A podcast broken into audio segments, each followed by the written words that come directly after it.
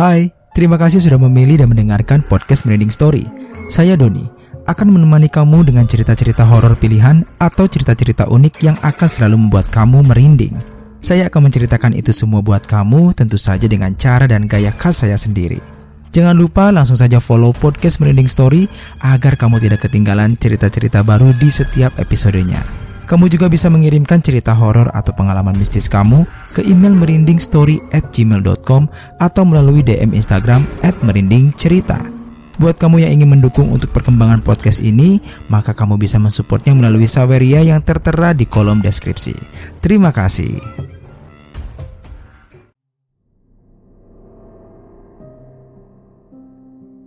Bismillahirrahmanirrahim Assalamualaikum warahmatullahi wabarakatuh Selamat malam, selamat pagi, dan selamat siang buat teman-teman semua yang sedang mendengarkan saya kali ini.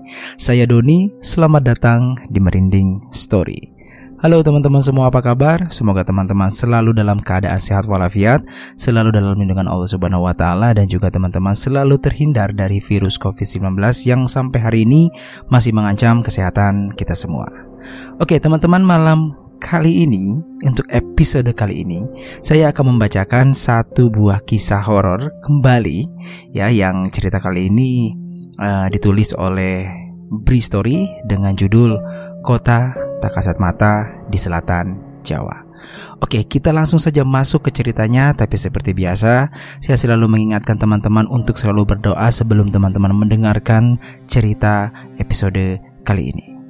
Kalau teman-teman sudah berdoa, silakan mulai matikan lampu kamar teman-teman, pasang headset teman-teman, siapkan cemilan karena cerita akan segera dimulai. Berikut kisahnya.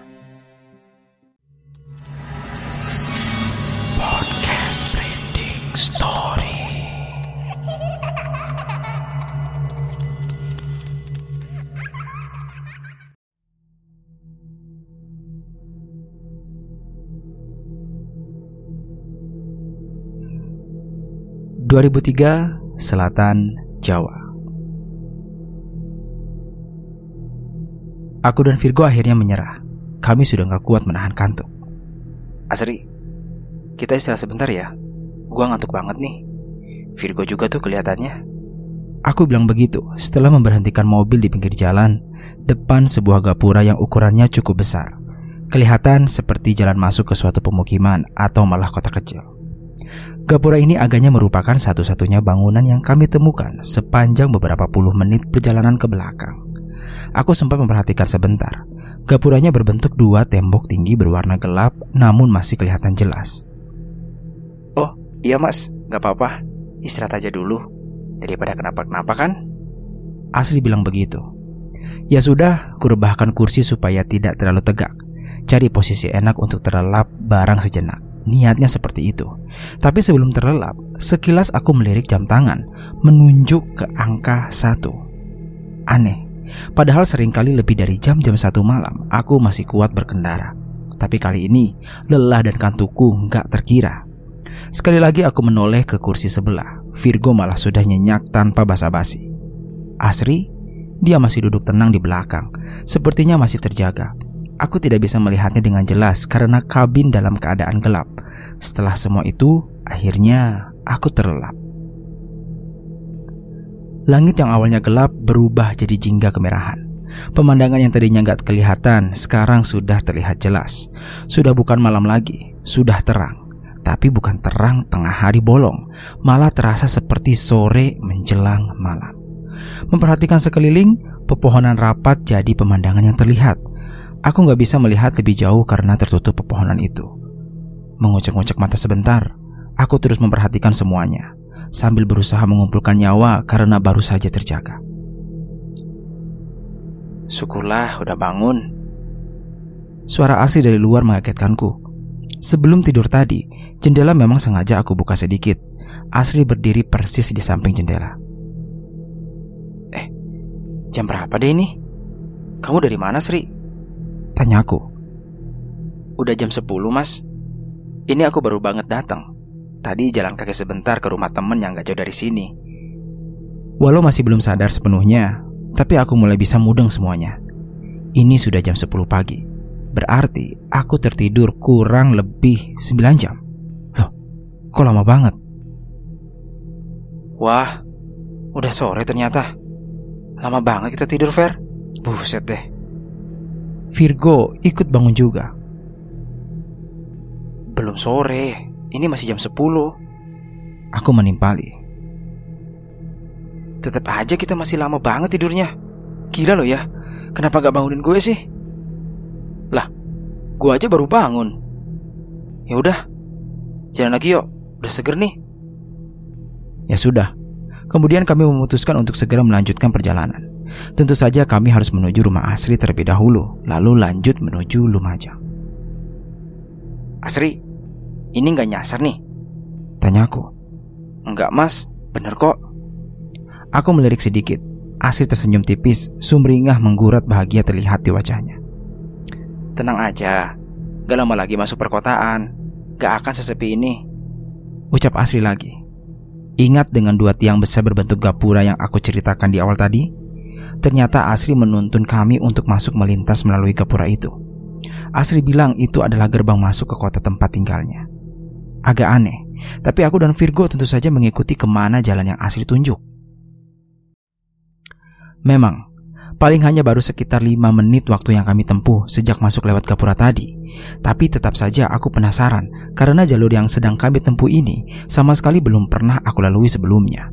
Ditambah, suasana dan pemandangannya agak berbeda dengan pemandangan sisi jalan lintas Jawa pada umumnya. Jalanan yang sedang kami susuri ini juga bukan jalan besar, tapi jalan yang hanya cukup untuk dua kendaraan kecil berpapasan. Tapi sangat bagus, aspal hitam mulus, sama sekali nggak ada lubang. Langit masih jingga kemerahan, sinarnya sama sekali nggak menyilaukan, malah terkesan menyejukkan, menenangkan. Kaca jendela sengaja aku buka setengah, karena udara sejuk menghembus sejak kami mulai jalan tadi Dingin juga, tapi bukan dingin yang menusuk tulang. Pokoknya nyaman, sangat nyaman suasana alamnya. Matahari sama sekali nggak terlihat. Aku nggak tahu pasti apakah terhalang awan atau memang pandangan terhalang pepohonan. Enak ya mas saudaranya? Asri bilang begitu tiba-tiba, membuyarkan lamunanku dan Virgo. Eh, iya, ini namanya daerah apa ya sih? Gua sama sekali belum pernah ke sini. Virgo menjawab sambil membetulkan posisi duduknya. Bener, enak banget, sejuk. Apa ada deket-deket gunungnya sekitar sini? Aku bertanya begitu, karena sejak awal sama sekali tidak bisa melihat pemandangan sampai jauh. Gak bisa melihat apakah ada pegunungan di sekitar sini.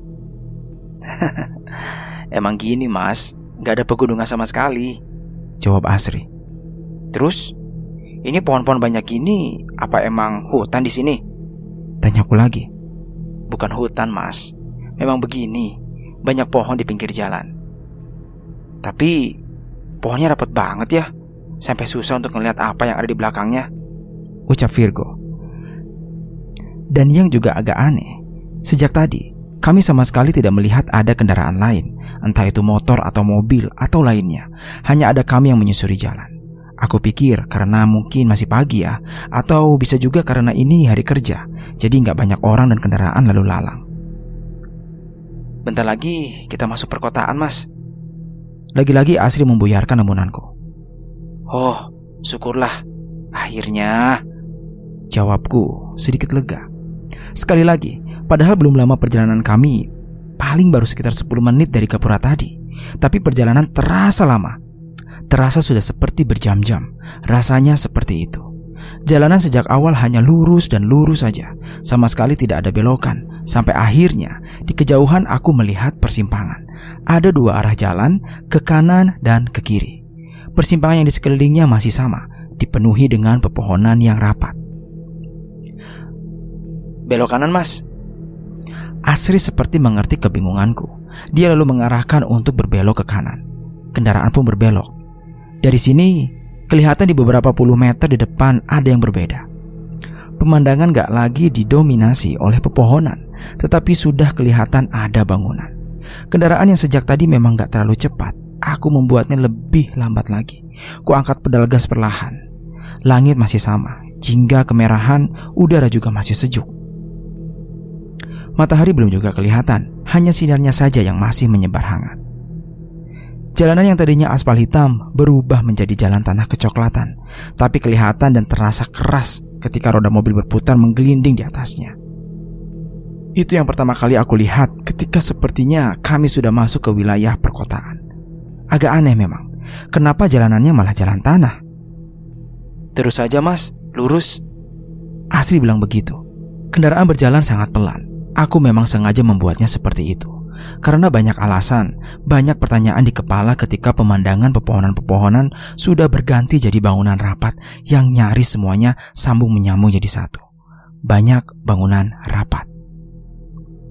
Semuanya bangunan permanen, dinding tembok tebal yang nyaris seluruhnya berwarna putih. Ornamen-ornamen tambahan menghiasi setiap sudut kota ini. Ada lampu taman klasik di pinggir jalan, ada beberapa kursi cantik berbahan besi kayu penghias trotoar. Nah, dari kesemuanya, yang paling mencolok adalah desain bangunan dan segala ornamen yang ada.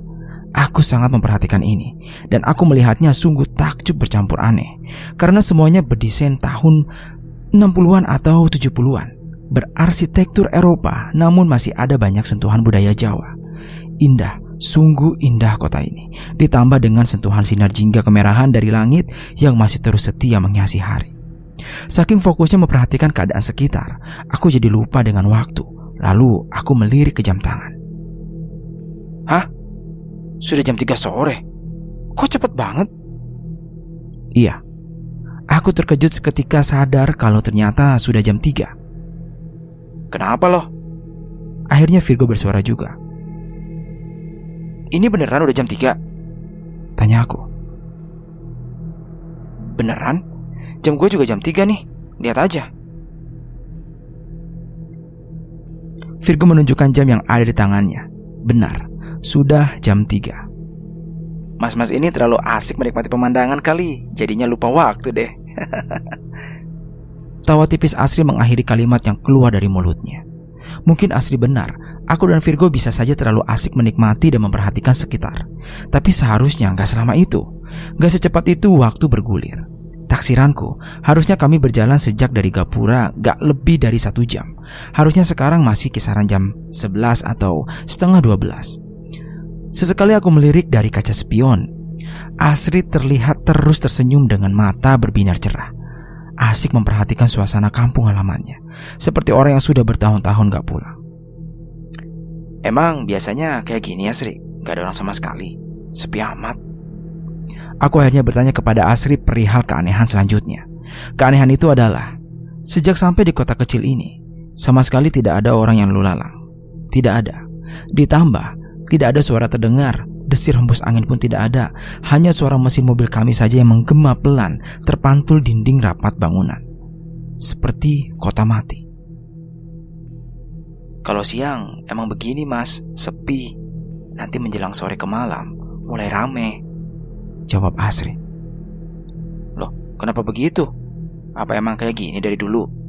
Virgo ikut penasaran. Iya, Asri menjawab pendek. Tapi nggak juga. Itu ada orang dalam toko. Aku bilang begitu ketika akhirnya melihat ada tanda-tanda kehidupan. Di salah satu bangunan berbentuk toko, aku melihat ada pergerakan orang yang sedang beraktivitas di dalamnya. Dalamnya agak gelap, jadi yang aku lihat hanya berbentuk siluet. Berikutnya, beberapa kali aku melihat aktivitas yang sama pada bangunan yang berbeda. Ya, begitu. Sepertinya warga kota ini aktivitasnya di dalam ruangan. Sama sekali tidak ada yang kelihatannya bergerak lalu lalang di luar. Jadinya jalanan kota sangat sepi. Nanti di depan belok kiri ya mas. Asri bersuara. Benar yang Asri bilang, Gak jauh di depan ada persimpangan ke kiri dan ke kanan. Aku ikuti arahan Asri. Selanjutnya, setelah berbelok, suasana awalnya tetap sama. Masih berjajar bangunan desain klasik yang berjajar rapat satu sama lain. Pemandangan dan suasananya sama persis. Masih lambat aku menajukan mobil, semakin lambat karena semakin banyak pertanyaan di kepalaku. Jalan kembali lurus, aku ikuti terus dengan pemandangan dan suasana yang nyaris sama. Masih juga, Beberapa kali aku melihat pergerakan warga yang beraktivitas di dalam bangunan, entah itu toko atau rumah. Aku dapat melihatnya dari jendela mereka.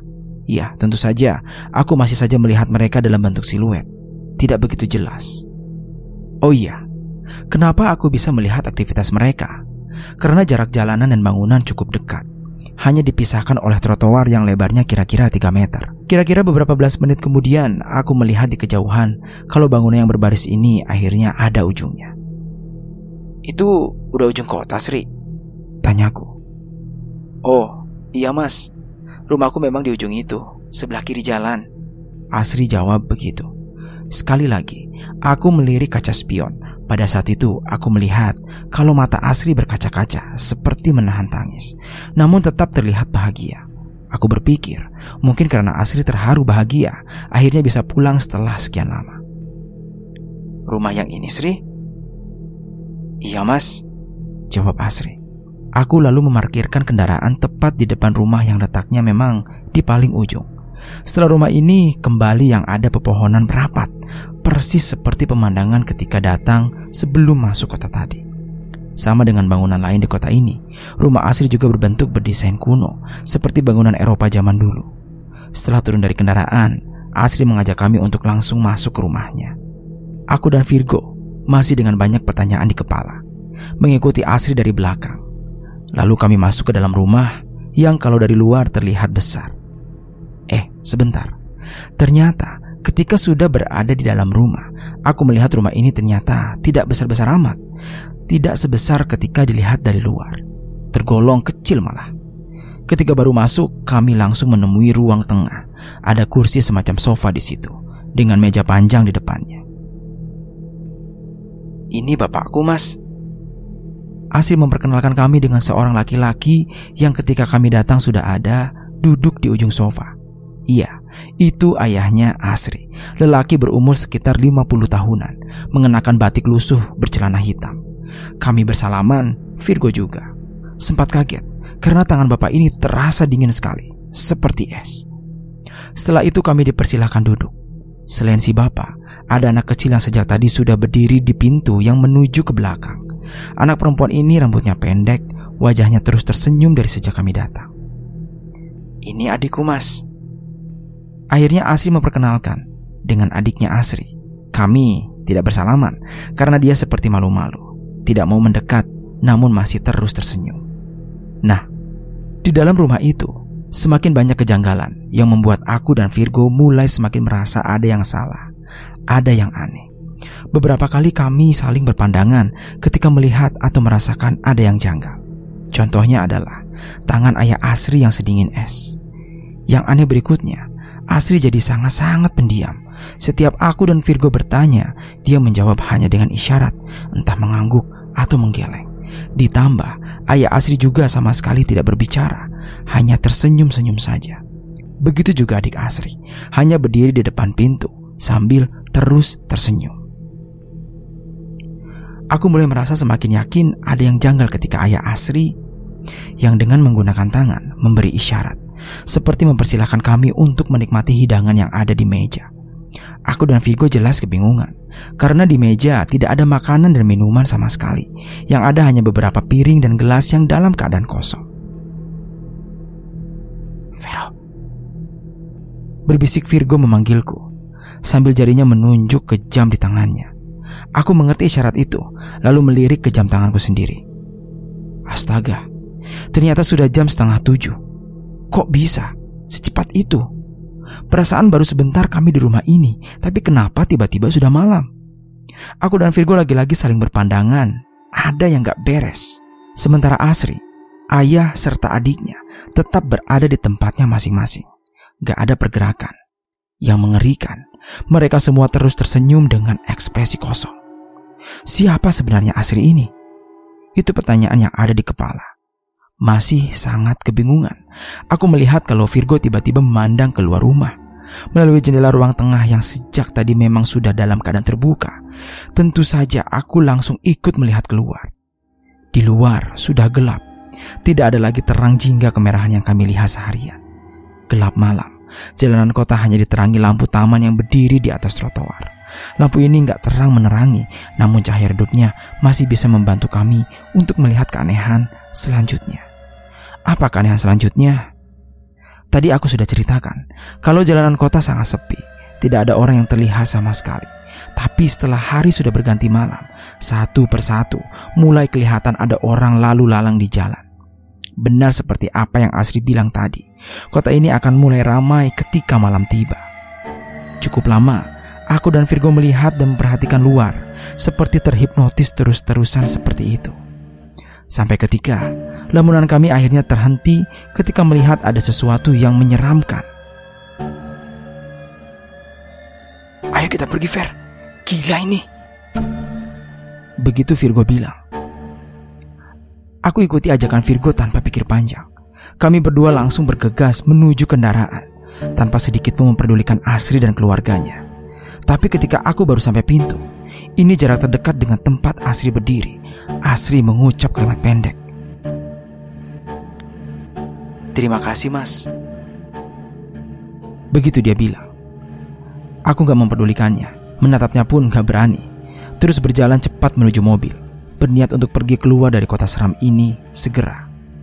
Tahu kenapa aku dan Virgo beberapa detik sebelumnya langsung kompak buru-buru keluar rumah?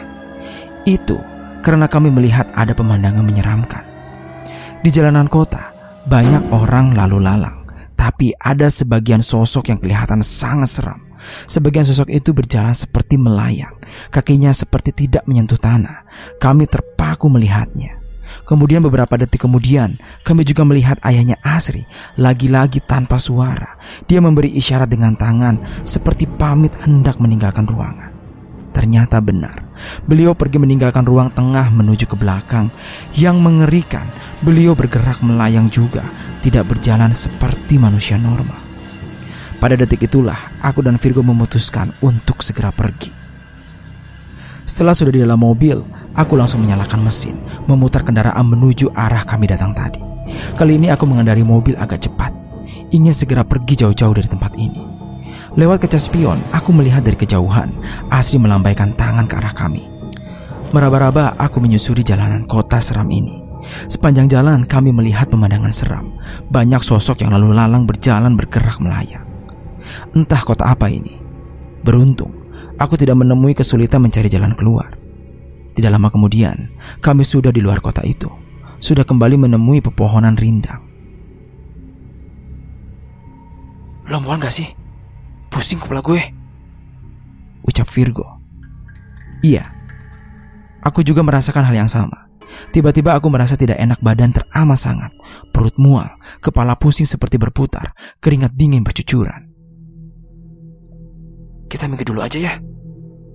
Aku bilang begitu karena sudah tidak tahan lagi. Setelah mobil sudah terparkir di pinggir jalan, aku merebahkan tubuh. Kemudian, aku tidak ingat apa-apa lagi. Vero, bangun Ver, bangun. Suara Virgo menyadarkanku. Aku terjaga, seperti baru sadar dari pingsan. Kepalaku masih pusing, bajuku basah keringat, masih terasa mual juga. Suasana di luar masih gelap, sangat gelap. Aku lalu memperhatikan sekitar. Ternyata kami sudah berada kembali di tempat yang sama. Parkir di dekat gapura besar yang Asri bilang merupakan gerbang masuk ke kota asal dia. Kami kembali ke awal, tapi tanpa Asri. Tidak ada Asri. Jam berapa ini? Tanyaku. Jam setengah dua. Jawab Virgo. Ternyata masih jam setengah dua dini hari. Ternyata hanya setengah jam yang lalu ketika aku, Virgo, dan Asri memutuskan untuk istirahat sejenak. Ayo, kita cabut ah. Gila, serem banget ini. Aku bilang begitu sambil menyalakan mesin mobil. Asri gimana? Tanya Virgo. Asri bukan orang. Jawabku. Lalu kami buru-buru pergi dari tempat itu, melanjutkan perjalanan menuju Lumajang.